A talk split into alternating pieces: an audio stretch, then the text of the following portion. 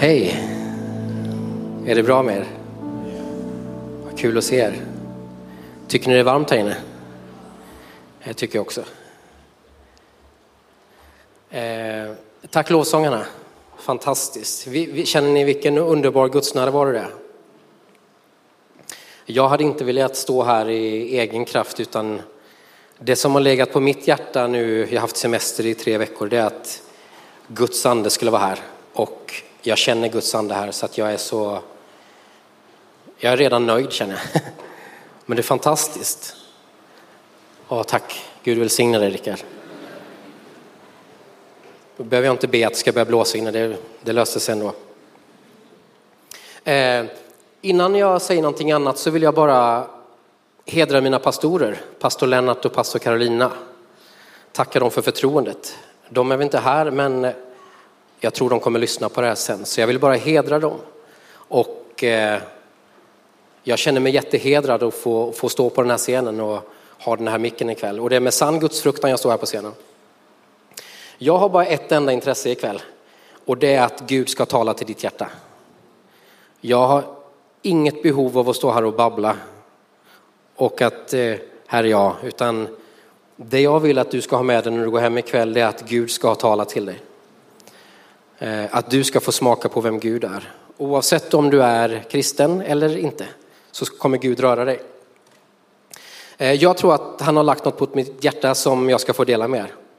Så öppna era hjärtan och ta emot det han vill ge er. Tror du att Gud är intresserad av dig? Det tror jag. Gud är väldigt intresserad av dig.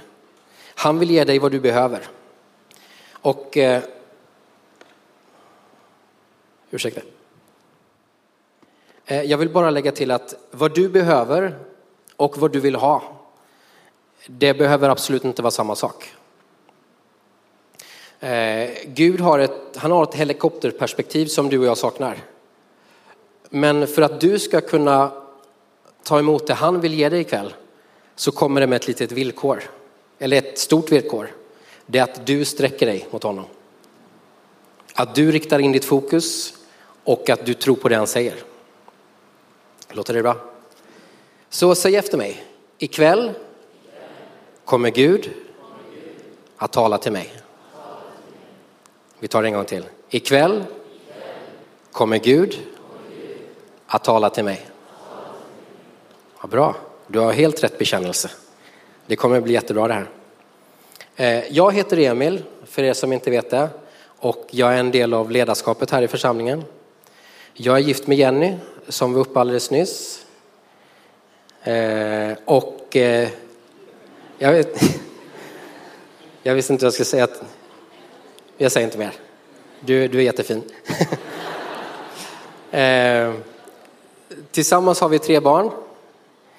Ellie sitter där och Lea sitter där och Mile sitter någonstans.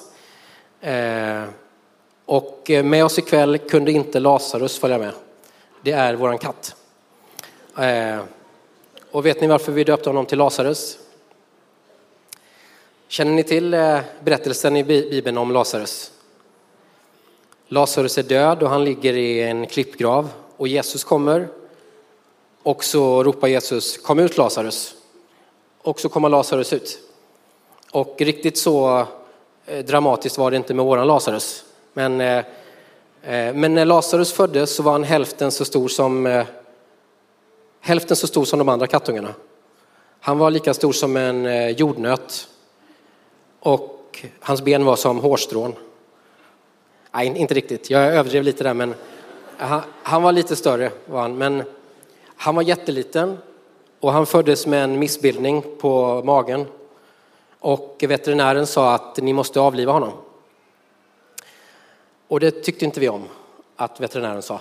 Så då fick både jag och Jenny upp en, en bild direkt av Lazarus, eh, oberoende av varandra. Så vi började proklamera ut att Lazarus kom ut. Och eh, Lazarus kom ut. Eh, så att den här missbildningen den, den torkade ut. Och eh, sen eh, matade Jenny honom med nappflaska i, i två månader. Tills han växte om, växte om sina syskon. Eh, det var inte det jag skulle predika om, men Gud är god, eller hur? Eh, Lazarus han ville följa med hit ikväll men jag sa nej tyvärr inte. Det kan finnas allergiker här inne. Ja. Eh, så jag har fått äran att predika ikväll. Eh, jag tror att Gud vill ge dig nycklar för att hjälpa dig framåt i livet. Och jag kommer eh, ta exempel från mitt eget liv. Det kommer bli lite life story, eller vissa delar, som visar hur man kan leva sitt liv och kanske hur man inte ska leva sitt liv. Eh, och den här predikan har jag kallat Där Guds ande är, där är frihet. Det är från andra Korintierbrevet 3 och 17. Oh, tack. Ja, bra. Jag, jag, alltså jag, jag har inte varit något nervös för den här predikan överhuvudtaget, men det enda som har gjort mig lite nervös är att ibland när jag går upp på scenen så börjar jag svettas jättemycket. Så jag hade faktiskt med mig en handduk där. Ah, ja, tack. Se, svettas jag nu? Här? Är det okej? Okay? Ja, då har jag berättat, då slipper ni att fundera på det. eh, vad var vi nu? Nu ska vi se. Jo, där Guds ande är, där är frihet. Amen. Jag hade också tänkt att döpa den till När Jesus kommer in i rummet förändras allt. Och sen hade jag en tredje titel också, men jag, ja, vi, vi, vi nöjer oss med den. Så att jag kom hit till församlingen 2004 eh, genom min då blivande fru Jenny. Eh, hon hade tvingat hit mig från en annan församling med våld. Nej, det hade inte, men hon, hade, hon sa att du måste komma hit. Eh, för Gud hade talat till henne att hon skulle plantera sitt hjärta i den här församlingen och i G12-visionen. Eh, så hon ville att jag skulle komma hit. Så lägg märke till att Gud hade talat till henne om det. Så jag kom hit på ett besök. Det var ett mansmöte. Det var precis i början av eh, när församlingen hade gått in i G12 precis. Och jag satt på sista raden där bak och jag kände inte en enda person här inne. Det ena ledde till det andra. Jag och Jenny vi blev kära.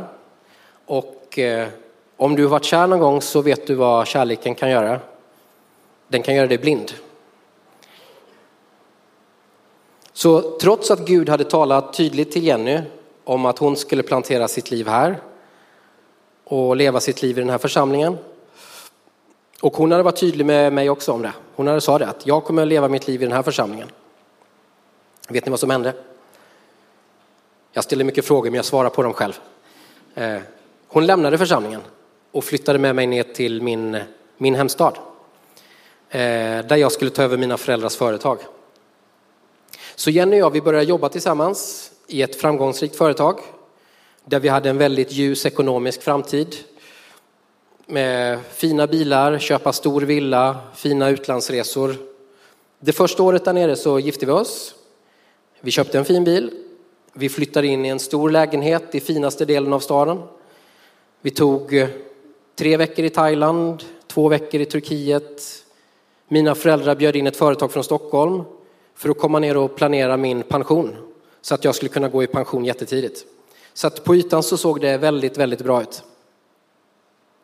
Men på insidan så var det ett krig. Jenny tappade sin passion till Jesus. Eller hur? Jag, jag får säga det här.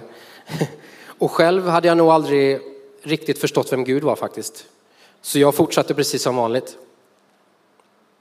Och varför tror ni att Jenny tappade passionen till Jesus? Jo, hon valde att gå sin egen väg. Istället för att vara på den platsen Gud hade sagt att hon skulle vara.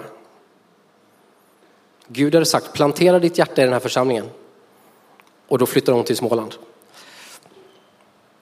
Och på insidan så känner man att det borde finnas någonting mer. Ska inte livet vara bättre än så här? Trots alla bra förutsättningar.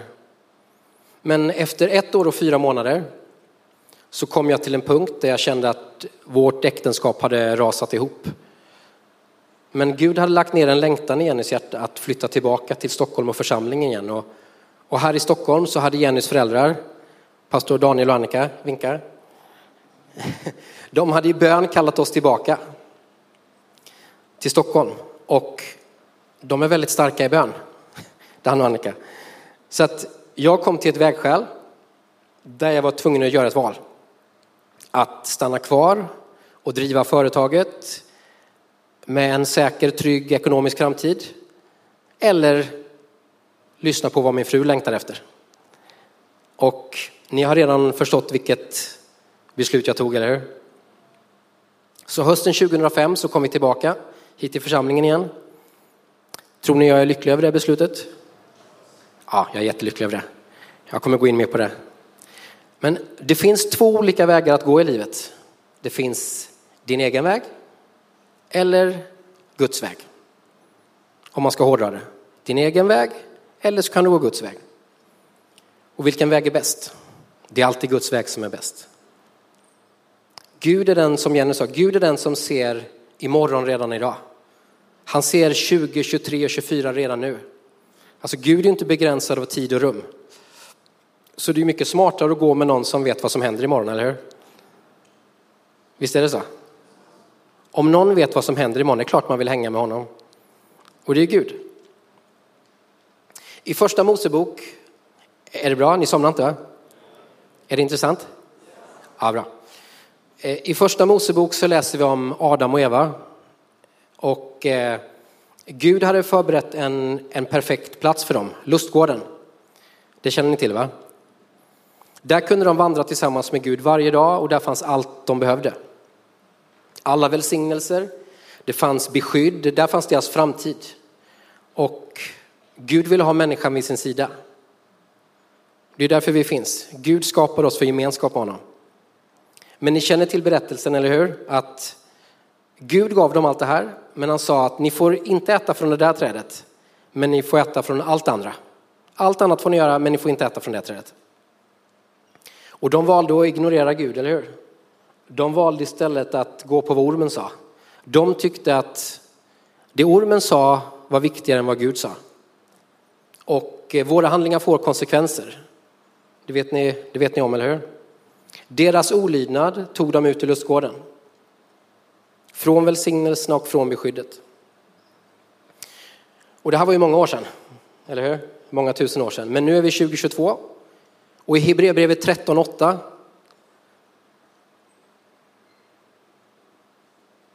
skulle se om den kom upp. Hebreerbrevet 13.8 kan vi läsa att Gud är densamme igår och idag och i evighet. Alltså Gud förändras inte. Det som var sant då, det är sant nu. Det är ju den guden vi tror på, eller hur? Så än idag finns Guds längtan kvar att vandra tillsammans med oss, att umgås med oss, att få vandra i hans beskydd, i hans välsignelser, tillsammans med honom i hans kraft. Det är Guds längtan. Och än idag har vi samma val att göra. Att välja att lyssna på vad Gud säger till oss eller att välja vår egen väg. Oavsett vilken väg vi väljer så är Guds kärlek för oss oföränderlig, eller hur? Våra val förändrar ju inte att Gud älskar oss. Det är bara omständigheterna som förändras, eller hur? Men tänk vad mycket av livet vi slösar bort på att springa runt på våra egna vägar och jaga vår egen lycka. Så när vi flyttar upp till Stockholm igen, då, då förstod inte jag att det faktiskt var enligt Guds plan för mig. Jag hade inte en aning om det. För jag hörde aldrig vad Gud sa till mig. Vet ni varför? Jag ställer mycket frågor till mig själv. Jag förväntar mig inte att du ska svara, men jag hörde inte vad han sa för jag lyssnade inte på honom. Jag läste inte Bibeln. Jag hade mycket synd i mitt liv.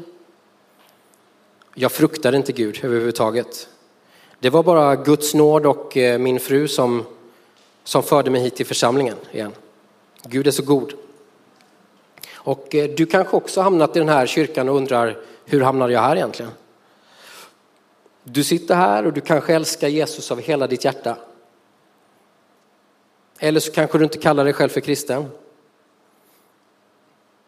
Eller så kanske du försöker vandra tillsammans med Gud men du trillar av vägen hela tiden. Oavsett vilka vägar du har gått på i dina liv, dina egna vägar eller Guds vägar,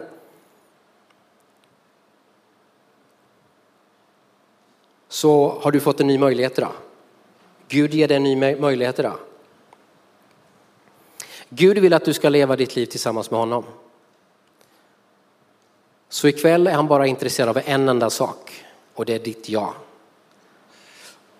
Han vill inte bara ha din muns ja, han vill ha ditt hjärtas ja och dina besluts ja.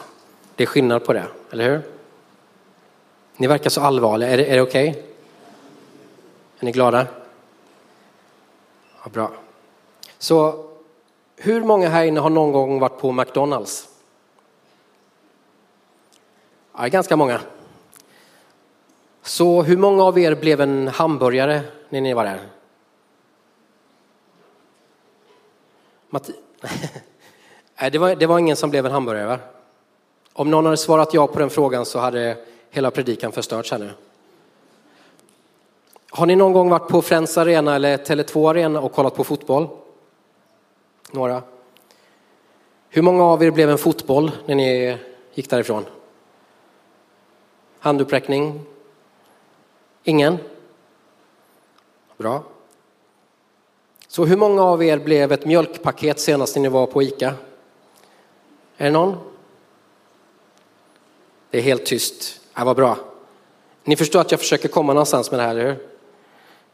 Eh, och det vill säga att det räcker inte att gå till kyrkan för att bli en kristen. Det räcker inte att gå till kyrkan för att få sitt liv förvandlat av Gud. Gud vill ha ditt hjärta. Han vill ha ditt fokus.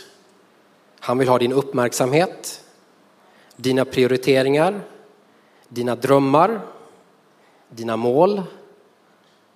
Han vill ha ditt liv. Och när du ger honom allt detta, vet du vad du får tillbaka då? Du får det, mest spännande liv du kan tänka dig. Det är vad Gud vill ge dig. Om du är villig att ge honom allting. Jag har kallat mig själv kristen i hela mitt liv. Sedan jag föddes. Men det var inte förrän i vuxen ålder som jag började vandra tillsammans med Gud. Så hösten 2005 så började jag en wow-grupp här i församlingen. Eller cellgrupp som, vi, som det kallades då. Då var jag en kyrkobesökare här. Jag tyckte om att gå hit på fredagskvällar, på söndagar. Jag sjöng med i lovsångerna. Jag tyckte om att lyssna på predikan. Jag passade bra in här. Men jag kände inte Gud på riktigt. Jag trodde att jag kände honom. Men jag hade inga stora problem med att till exempel ljuga för min fru. Det var inte så jobbigt. Jag levde i orenhet. Jag hade väldigt hetsigt temperament. Eh, jag bekände Jesus som min Herre, men mina, mina handlingar följde inte efter min bekännelse. Och jag har delat det tidigare på scenen några gånger om att jag hade kraftig scenskräck. Kanske har hört det. Jag var livrädd för att stå framför människor så här. Hade någon försökt att tvinga upp mig på scenen så skulle jag sprungit full fart ut på Götgatan, tagit vänster, över Skanstullsbron, fortsätta mot Farsta. Halvvägs till Nynäshamn skulle jag förmodligen eh, stanna in lite. Kolla bakom mig. Oh, de förföljde mig inte. ungefär så var det. Jag var livrädd för att, vet när jag, när jag träffade Jenny, jag vågade inte be högt i samma rum. Jag vågade inte spela, alltså jag är basist, jag var basist i lovsången här för många år sedan. Jag vågade inte spela bas om någon var i samma hus som mig. Det låter lite löjligt, eller hur? Det var den fruktan jag hade. Eh, min första cellgruppsledare sa, Emil, du kan ju bli cellgruppsledare. Absolut, sa jag till honom. Och eh, sen gick jag hem och var jättearg. typ på Jenny. Sa aldrig i livet att jag kommer bli en ledare, cellgruppsledare. Jag ville verkligen inte att någon skulle säga till mig vad jag skulle göra. Hade de tvingat mig så hade jag, ja, jag vet inte, jag ska inte gå in på det, men men vet ni vad som händer när man släpper in Jesus i sitt liv? Där Guds ande är, där är frihet. Där man tidigare varit bunden, där man varit låst, där börjar man att förändras. Det som tidigare varit en skräck förvandlas nu till frihet. Visst är det konstigt va? Jag var vuxen när jag var livrädd. Jag skulle kunna, jag skulle kunna dött i en bänkrad om någon försökte få upp mig på scenen här. Och nu känns det Det känns jättenice att gå upp hit. Eller ser jag rädd ut? Nej, det är jag inte. Bra, jag är inte rädd. Jag menar att man kan förändras. När Jesus flyttar in så händer någonting på insidan. Eh, I Johannes 14 och 6 så säger Jesus så här. Jag är vägen, sanningen och livet. Ingen kommer till Fadern utom genom mig. Känner igen den? Jag är vägen, sanningen och livet. Ingen kommer till Fadern utom genom mig. Så genom att släppa in Jesus i varje område av våra liv så kan vi gå fram till Gud. Eh, och du kanske sitter och undrar, hur släpper man in Jesus i sitt liv? Eller så vet du exakt det, men man måste bjuda in Jesus. Jesus, tack att du dog för mig, tack att du uppstod för mig. Jag vill leva mitt liv med dig Jesus, hjälp mig. Jag vill leva mitt liv med dig. Det är första steget, man släpper in Jesus, man bjuder in honom. Sen måste man börja lära känna honom.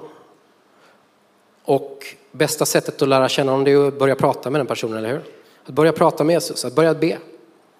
Och läsa Bibeln. I Bibeln står det att Jesus är ordet som blev kött. Alltså Jesus är ordet. Jesus är Bibeln. Det betyder att ju mer man läser och förstår vad Bibeln säger och ordet säger, desto mer lär jag känna Jesus, desto mer lik blir jag Jesus. Så Jesus är nyckeln att få sitt liv förvandlat. Och det är han som gör att jag kan lämna min egen väg och gå in på Guds väg. Allting det jag pratar om här nu i, ikväll, det kommer mynna ut i att man ska lämna sin egen väg och gå, ut på, eller gå in på Guds väg. Och jag kommer ta flera exempel hur, vad som har hänt i mitt liv där. Så varför vill man vandra tillsammans med Gud då? Vet du vem Gud är för mig? Han är den som älskar mig. Han har en plan för mig. Han har ett spännande liv planerat för mig. Han vill välsigna mig. Han vill ta ut mig på spännande äventyr tillsammans med honom. Han är den som beskyddar mig och han är den som bär mig när jag går igenom tuffa tider. Det är vem Gud är för mig. Det var det du pratade om lite Jenny, att vem är Gud? Vem är Gud för mig? Vem är Gud för dig? Det kan bara du svara på. Och du kanske sitter här och har tankar som, vad ska jag plugga? Vad ska jag jobba med? Vem ska jag dela livet med? Hur ska det här lösa sig? Du kanske är i en situation som känns hopplös. Du kanske är fylld med skuld och skam på grund av saker du har gjort i ditt liv som tynger dig. Eller så kanske du bara känner dig helt tom på glädje. Och du kanske bara känner dig allmänt förvirrad av livet. Men som vi sa tidigare, Gud är den som ser 2023 redan nu. Han är i total kontroll. Han är bara god och han har en plan för ditt liv. Tror du att Gud har en plan för ditt liv? Han har en plan för ditt liv. Men vet du vad han väntar på?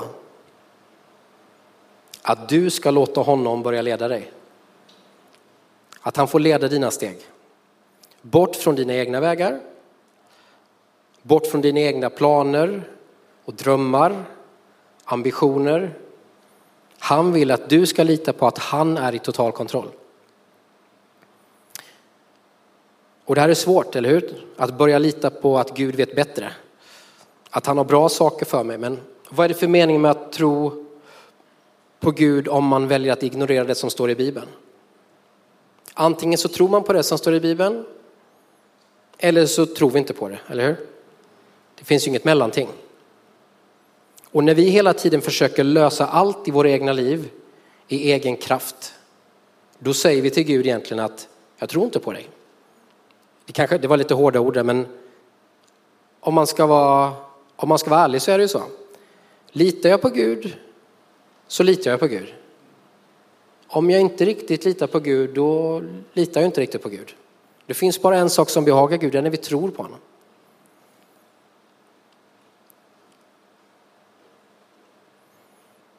Eh, jag har fått se hur Gud griper in när jag släpper kontrollen till honom. Men det är svårt. Och jag vill idag att du sätter din tro till att Gud vill och kan hjälpa dig ut i ett spännande liv med honom.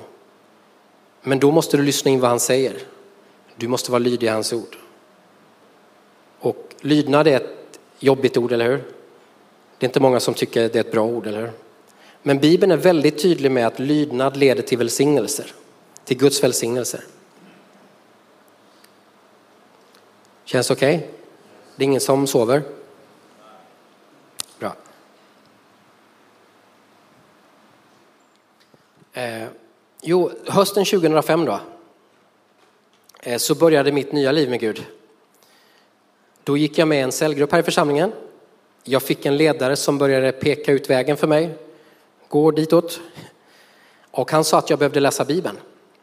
Så att jag fick ta och damma av min bibel som stod som ett fint pynt i bokhyllan. Eh, och där började någonting hända i mitt liv. Inte så jättesnabbt, men lite i taget. Så jag började vandra lite på Guds vägar och lite på mina egna vägar. Och lite fram och tillbaka.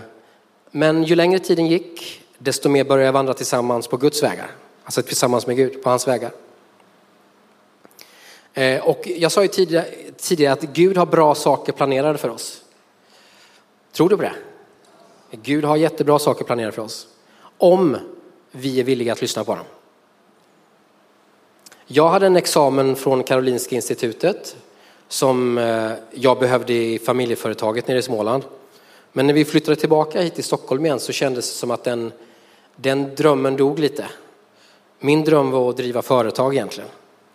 Det var därför jag skaffade mig den utbildningen, för att jag skulle, ja.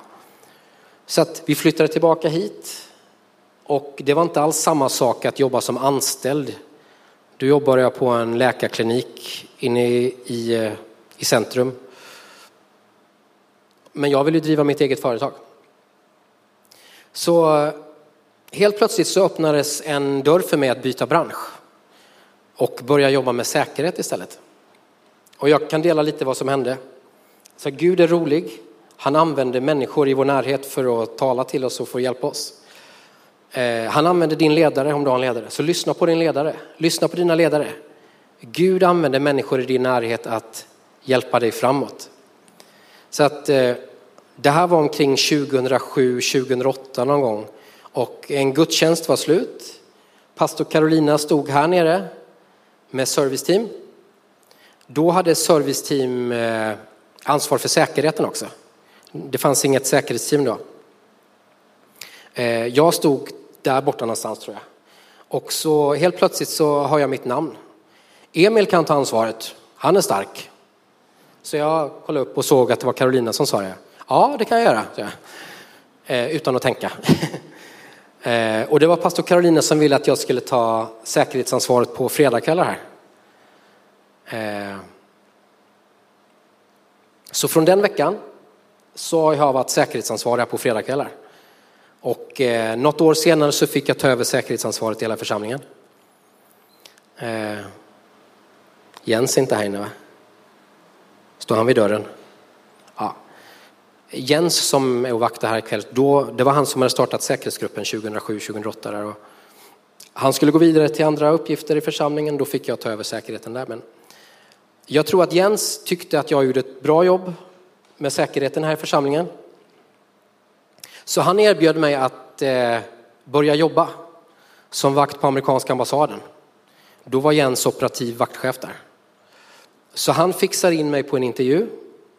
Eh, trots att jag inte hade någon formell säkerhetsutbildning så, och jag fick jobbet. Så att helt plötsligt så jobbade jag med säkerhet på amerikanska ambassaden. Och när jag växte upp, jag hade aldrig haft någon dröm med att jobba med säkerhet. Eller jag var inte det minsta intresserad av att jobba i säkerhetsbranschen. Jag hade aldrig ens tänkt tanken. Eh, när jag växte upp var jag den i kompisgänget som aldrig tog några risker.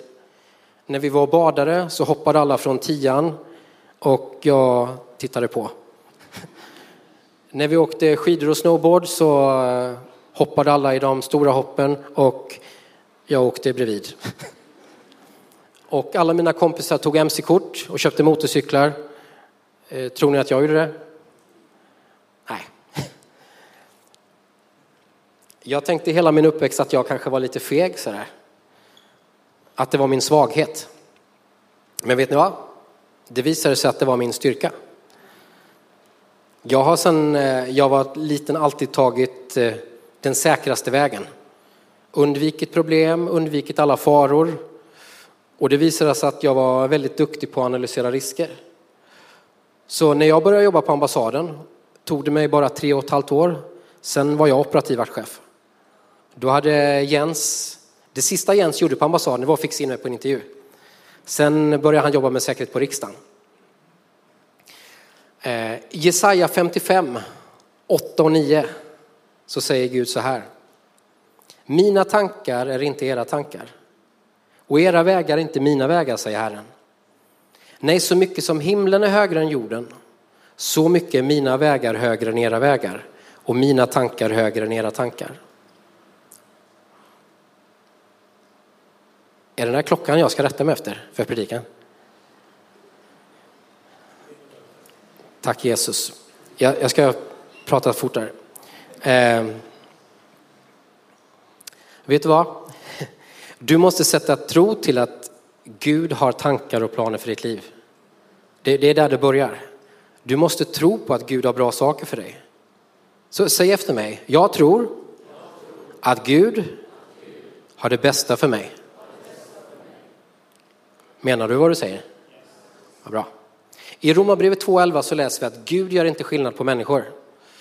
Så han hade en plan för mig, han har en plan för mig och han har en plan för dig.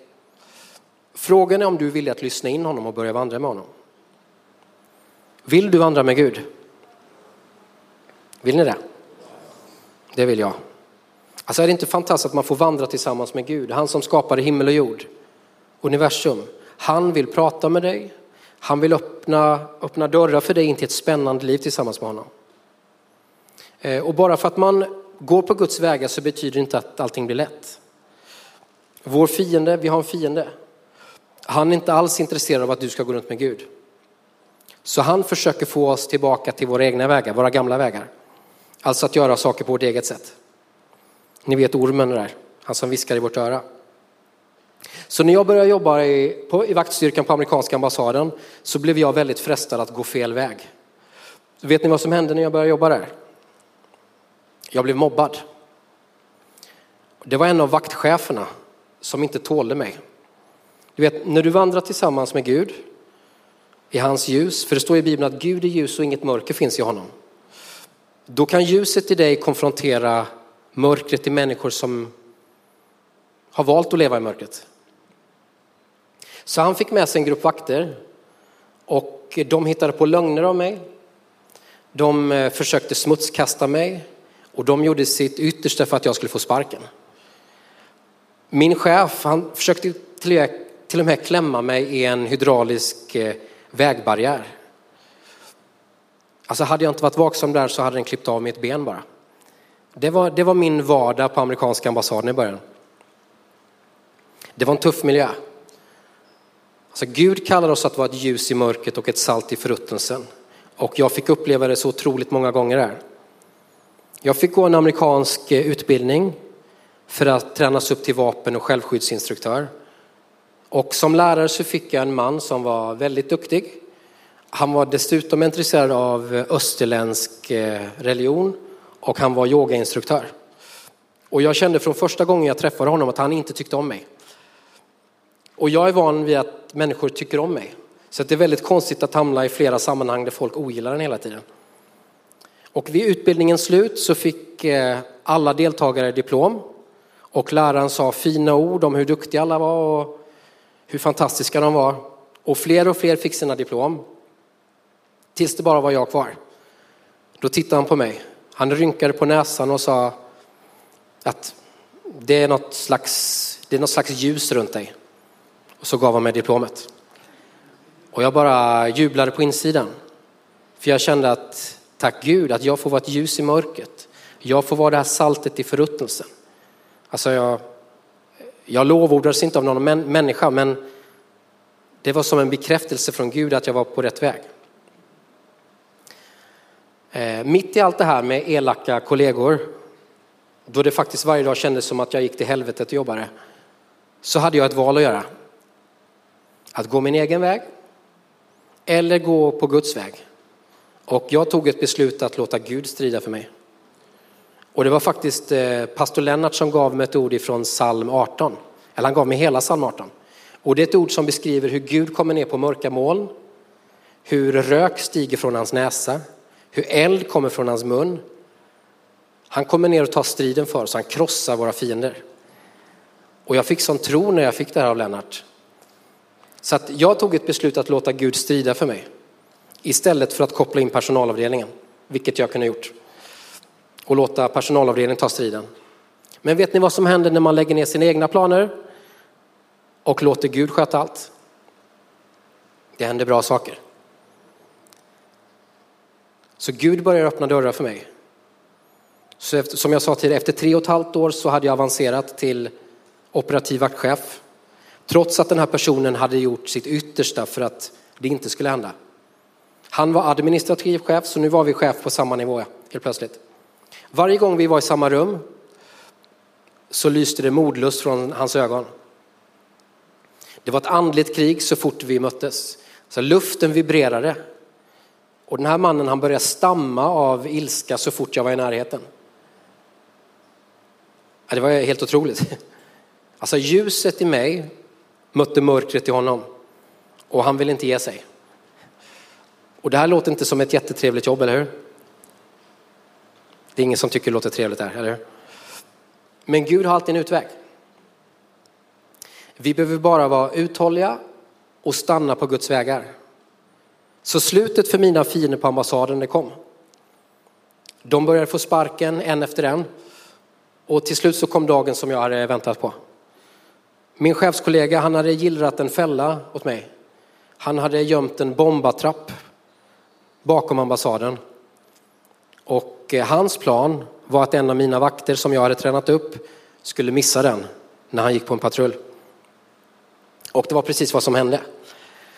Och eh, i sin iver att lägga skulden på mig, alltså i sitt hat mot mig, så försökte han övertyga våran gemensamma chef som är eh, Special Agent på Diplomatic Security Service. Han är högsta säkerhetsnissen i Sverige. Han blev så ivrig så att han började skrika på vår chef. Och det var det sista han gjorde på ambassaden. Så han föll ner i sin egen grop. Alltså, jag förstår den här, jag förstår att den här personens hat mot mig, det hade inte någonting att göra med mig personligen. Utan det här var andligt. När mörker möter ljus. Vet ni vad som händer då? Vad händer om man tänder en lampa i ett mörkt rum? Mörkret måste gå iväg, eller hur? I Johannes 1 och 5 så står det så här att ljuset lyser i mörkret och mörkret har inte övervunnit det. Så till slut så hade Gud flyttat på varenda person som hade förpestat min vardag. Och det tog bara fem år. Du kanske tänker, varför stannar han i fem år? Är han, är han dum? Är det någon som tänker så? Vi tar inte handuppräckning. Eh, men vet ni varför jag stannade? För jag upplevde att Gud ville att jag skulle stanna kvar. Han sa aldrig till att jag skulle flytta på mig. Och vet ni vad som hände under de här fem åren? Gud jobbade med min karaktär. Jag blev beroende av att söka Gud varje dag. Så Gud tränade upp mig för att bli en av hans stridsmän. Jobbet tränar upp mig för att bli en fysisk stridsman och Gud tränar upp mig för att bli en andlig stridsman.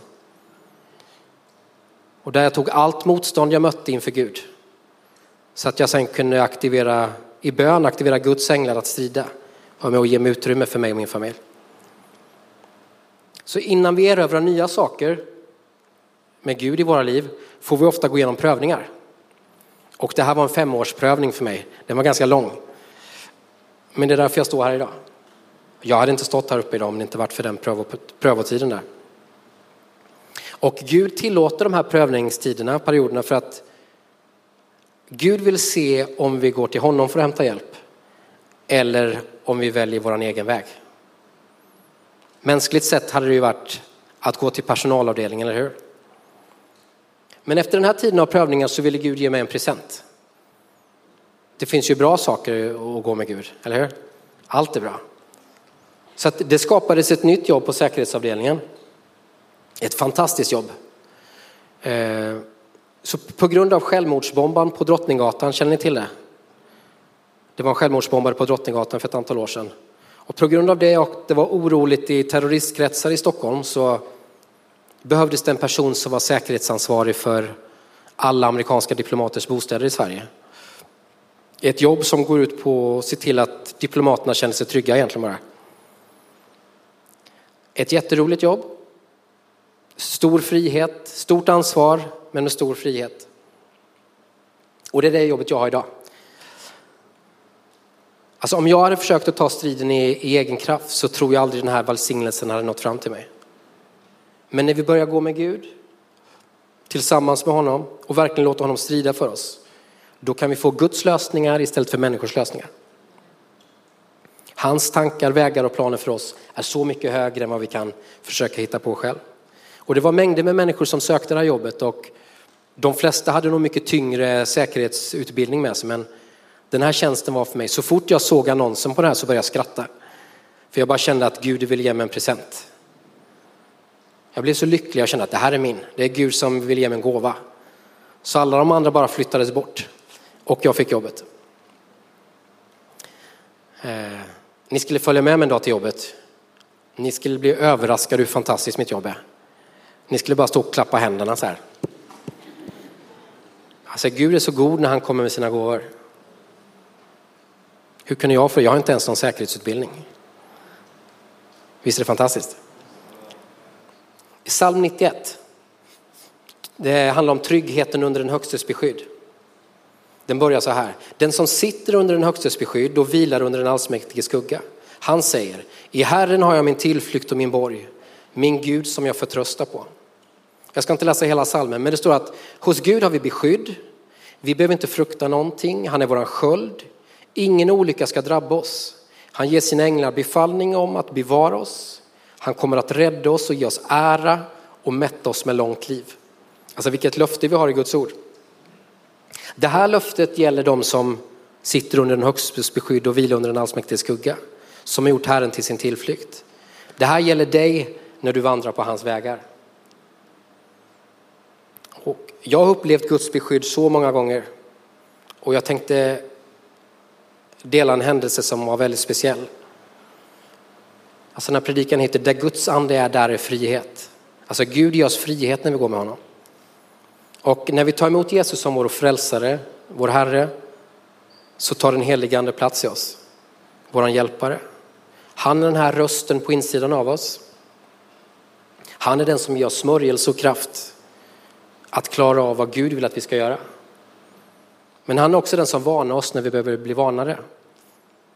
Den 7 eh, april, 7 april 2017, det är mycket terror här, men då skedde terrordådet på Drottninggatan där en lastbil kapades och han mejade ner människor. Kommer ni ihåg det här? Den dagen hade jag med mig alla barnen på jobbet och vi var på väg därifrån i buss mot T-centralen. Den bussen åker jag varje dag.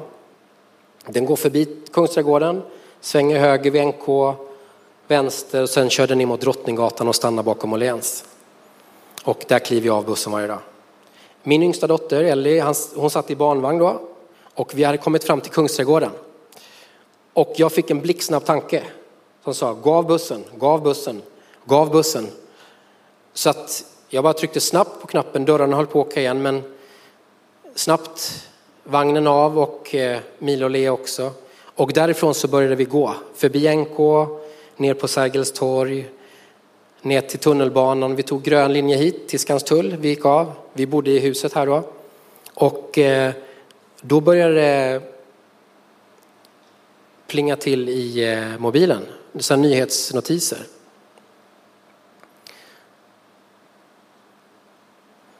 Och där stod det att den här lastbilen hade kört över massa människor. Eh, och jag pratade sen med en av mina arbetskamrater. Hon hade suttit på samma buss som vi gjorde. Men hon såg inte att vi gick av vid Kungsträdgården. Så hon hade fortsatt med bussen. Hon gick av bakom Åhléns. Eh, och hon gick av, hon svängde vänster ner mot centralstationen. Och när hon hade gått ungefär i 15 sekunder så hörde hon skrik och en jättesmäll bakom sig. Så då började hon springa ner mot centralstationen. På nyheterna sen så såg hon en överkörd barnvagn. Och hon tog för givet att det var, att det var vi. För vi skulle förmodligen precis stått på övergångsstället där.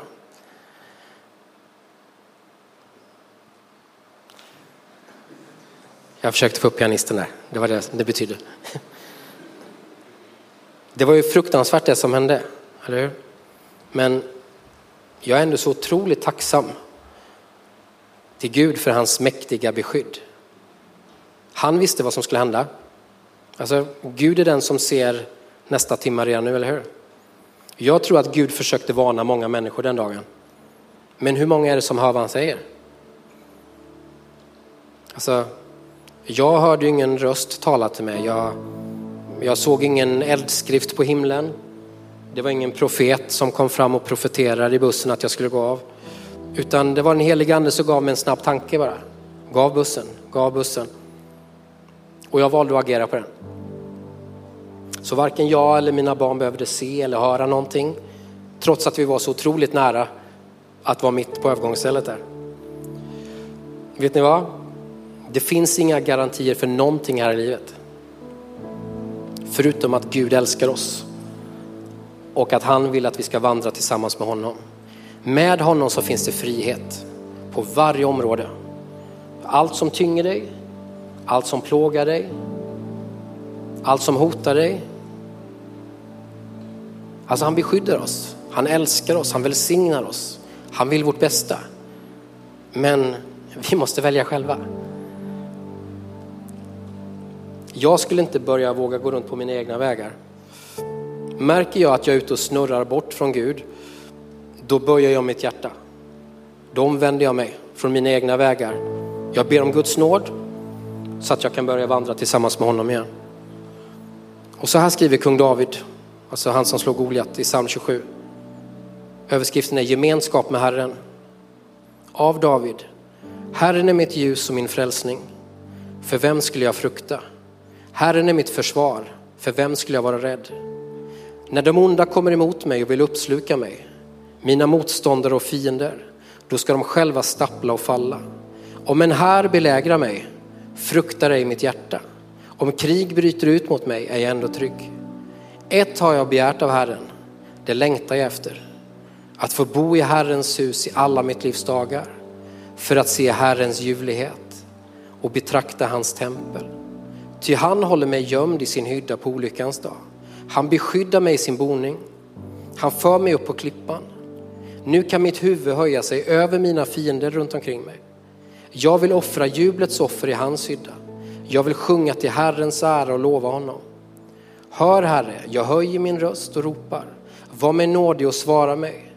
Mitt hjärta tänker på ditt ord. Sök mitt ansikte. Ja, ditt ansikte Herre söker jag. Dölj inte ditt ansikte för mig. Driv inte bort din tjänare i vrede du som varit min hjälp. Släpp mig inte, överge mig inte, du min frälsningsgud. Om än min far och mor överger mig tar Herren emot mig. Visa mig Herre din väg. Led mig på en jämn stig för mina förföljares skull. Överlämna mig inte åt mina ovänners illvilja. Ty mot mig uppträder falska vittnen som andas våld. Jag är viss om att få se Herrens godhet i de levandes land.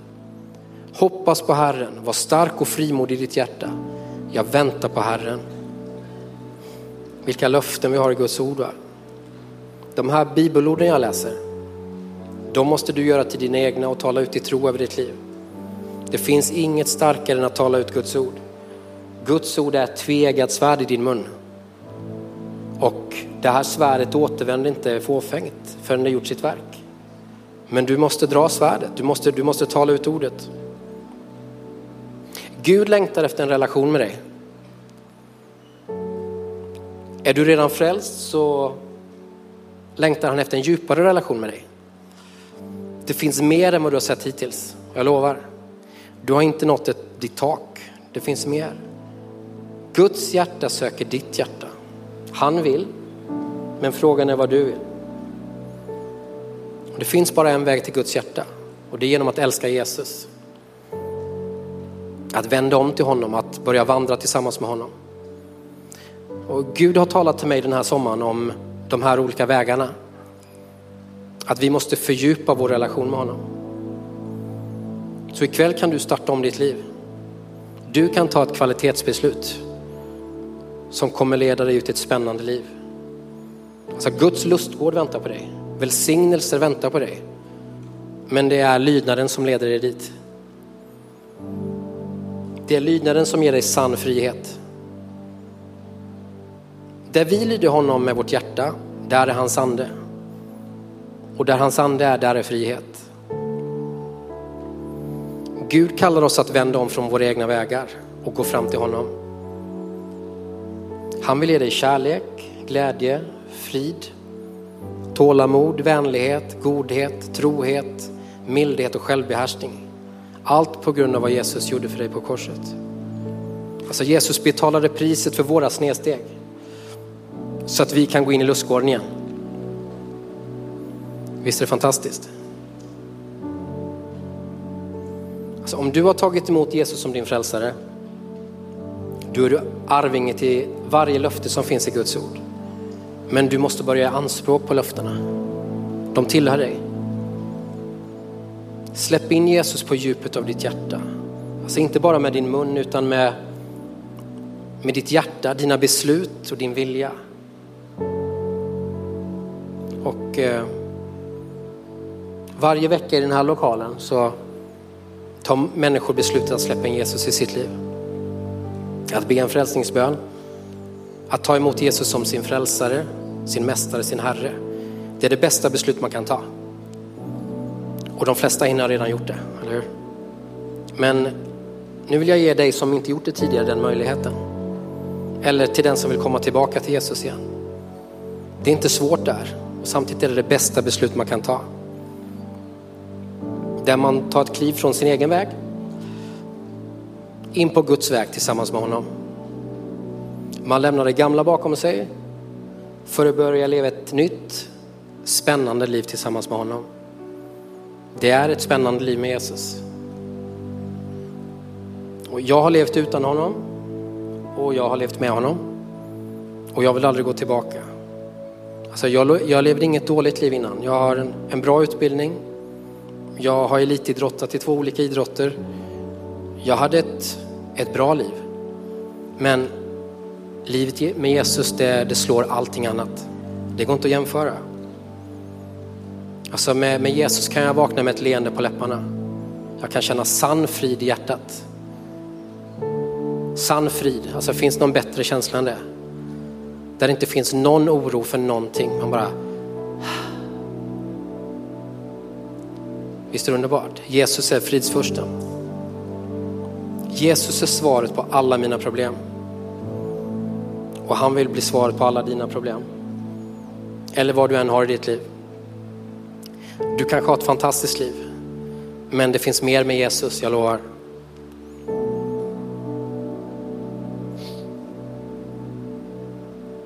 Vi kan ställa oss upp.